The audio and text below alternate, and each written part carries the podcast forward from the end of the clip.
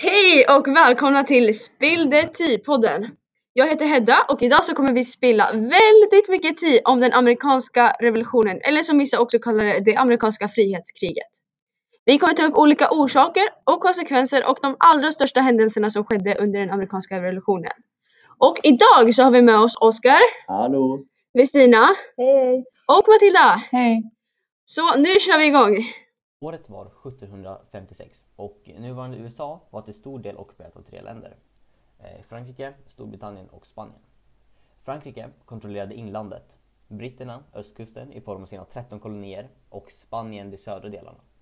Frankrike hade börjat expandera in på obeslutat eh, territorium vilket gav upphov till en förhandling mellan dem och britterna.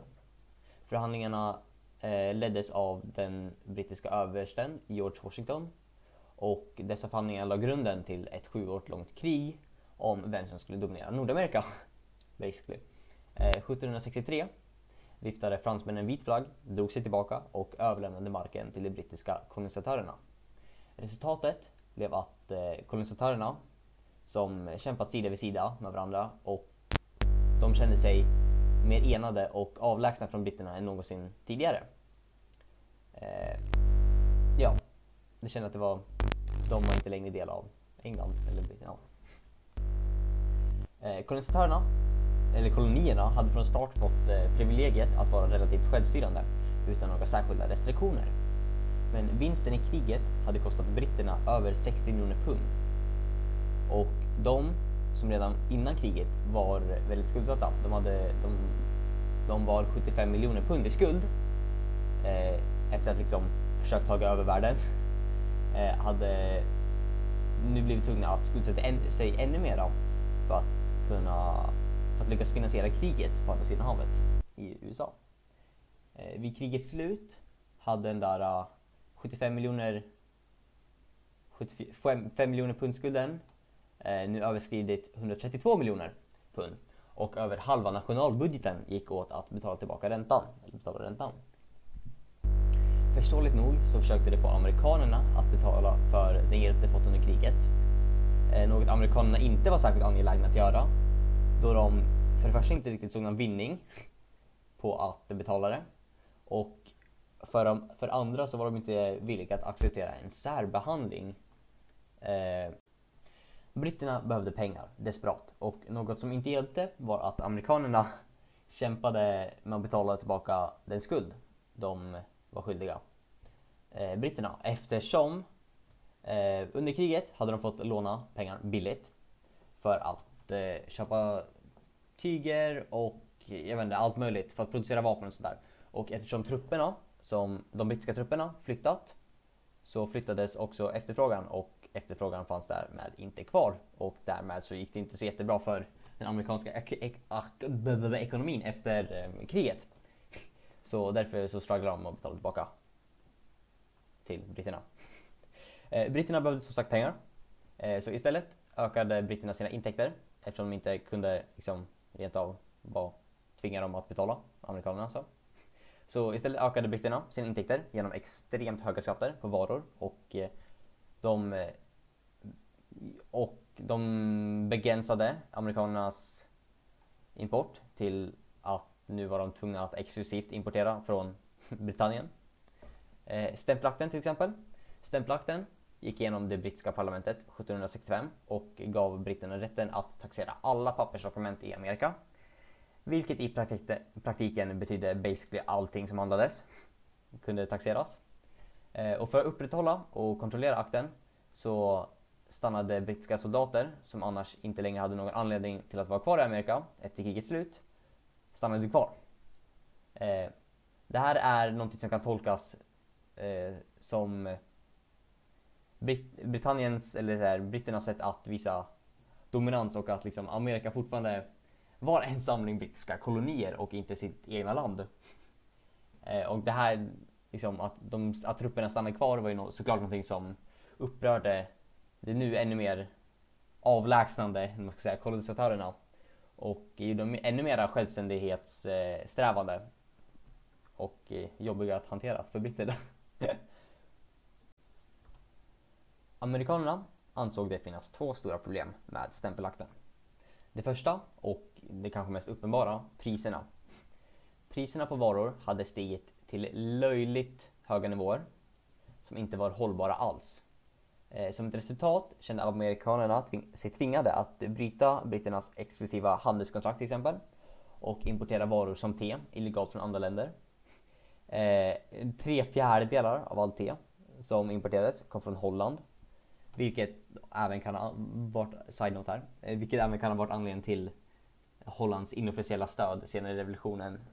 Då de tillsammans med den eh, amerikanska galningen John Paul Jones som liksom härjade och rövade eh, designade koloniernas första gemensamma flagga. Serapis heter den i alla fall. För det andra så hade britterna själva haft noll inflytande över akten i huvudtaget. Det ansåg britterna bryta deras egna... De ansåg att britterna liksom bröt mot deras egna konstitutionella konstitution, konstitutionella kon, konsti, konstitution, lagar, grundlagar basically. Eh, lagar genom att inte representera hela, hela folket medan eh, britterna argumenterade tvärt emot att det gjorde vad som krävdes för att göra livet bättre för så många britter som möjligt genom eh, att särbehandla kolonisatörerna, vilket något, något som de inte ansåg sig förtjäna. Eh, no taxation without representation skreks det på koloniernas gator. Eh, enade hade kolonierna påbörjat en bojkott av eh, all brittisk verksamhet och det hade tagit till gatorna i form av vilda protester för att få den här akten att bli slumpad. Vilket den blev ungefär ett år senare. Eh, ett år efter dess implementation så att säga. Det här var startskottet för, den amerikanska, för det amerikanska frihetskriget. Dun, dun. Men i början av kriget var det inte meningen att bli självständiga från britterna utan kolonisterna ville bara att King George skulle ta bort de dyra skatterna. Så kolonisterna skickade ett brev där det stod att kungen skulle ta bort skatterna så kriget skulle sluta. Men at that point var kungen ganska pissed off. Så han skickade tillbaka ett brev som kort och simpelt sa nej. I kolonierna fanns det redan radikala grupper som tyckte att de skulle ha självständighet. Så när kungen sa att han inte skulle sluta blev det helt plötsligt ett frihetskrig. Det var inspirerat av upplysningens idéer och dess liberala tankar om att alla män är lika mycket värda. Och boom, där har vi the Declaration of Independence. We hold these truths to be self-evident that all men are created equal, that they are endowed by their creator with certain undeniable rights, that among these are life, liberty and the pursuit of happiness.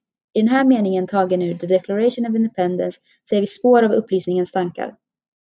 Nu kommer vi prata om några viktiga händelser som skedde innan och under kriget. I mars 1770 samlas amerikaner i Boston utanför tullhuset där brittiska soldater vaktar.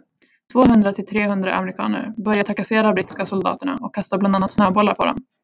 De brittiska soldaterna börjar att skjuta i folkmassan, något som gör att fem personer dör och sex stycken skadas, alla amerikaner. Soldaterna åtalas för mord och dråp, men släpps efter att presidenten John Adams försvarar dem. Britternas agerande motiverar amerikanerna mer, som börjar bli mer rebelliska mot de ledande britterna. Slagen i Lexington och Concord blev sedan det första militära mötet mellan amerikanerna och britterna i april 1775. Britterna ville gripa revolutionärer som gömde sig i Lexington och brittiska överbefälhavaren skickade en armé på 800 man för att genomföra gripandet. Trots ett oväntat stort motstånd i Lexington så klarade sig britterna bättre och fortsatte till Concord där amerikanerna redan fanns förberedda. Britterna gav upp och flydde till Boston. Detta visade sig bli startskottet för kriget. Två år senare, den 19 september respektive 7 oktober 1777, skedde slagen i Saratoga, som räknas som en vändpunkt för amerikanerna som tog en stor vinst över britterna. Brittiska militären skickade en trupp norrut mot New York, men möttes av stort motstånd och drabbades av manfall. I oktober drabbade styrkorna ihop igen, med återigen ett amerikanskt övertag. Britterna slogs tillbaka och gav upp, resulterade i den första definitiva vinsten för amerikanerna i kriget. Den 16 september 1773 så inträffade Boston Tea Party. De 13 kolonierna hade protesterat mot tullskatten väldigt länge, vilket ledde till att britterna upphävde alla tullskatter utom skatten på te, som de höjde. Det här var för att visa vem som bestämde och för att britterna behövde mer pengar på grund av deras dåliga ekonomi. Då reagerade The Sons of Liberty som var en organisation som kämpade för koloniernas rättigheter, för de ville ha bort skatten. Den här organisationen klädde ut sig till native americans och dumpade teet i havet från Bostons hamn, där teet stod. Konsekvensen av detta ledde till att den brittiska regeringen stängde hamnen, hamnen i Boston i 16 år och stiftade nya lagar som kallas Inter Intolerable Acts. Lagstiftningen ledde till olika protester som sedan blev början på den amerikanska revolutionen. Och det här fick många andra kolonier att hamna i onåd. Om man kollar från ursprungsbefolkningens synvinkel försökte många stammar hålla sig utanför kriget mellan kolonisterna och britterna. Men vissa stammar tog amerikanernas sida, andra tog britternas. De allierade med britterna i hopp om att deras mark skulle få skydd från de amerikanska kolonierna. Kolonisterna hade redan från början av kriget försökt få stammarna att vara neutrala i kriget eftersom att de visste att de kunde hjälpa med strategiska planer eftersom att de kände till landet väl. Många stammar insåg dock snabbt att det var bättre att britterna hade kontroll över landet än ett fritt Amerika. Kolonisterna hade bara fortsatt använda marken medan britterna lovade dem viss kontroll över marken. 1783 blev slutet på kriget när britterna äntligen erkände USA som ett land i Paris. Eh, men ursprungsbefolkningen motsatte Parisavtalet och erkände inte USA som ett land förrän det blev besegrat av militären. Som en konsekvens av amerikanska frihetskriget så blev Frankrike ruinerat när de försökte hjälpa USA. Och det här ledde senare till franska revolutionen. Slutligen så vill vi tacka alla för att ni har lyssnat och vi hoppas att ni har lärt er något väldigt intressant. Så tack och hej då!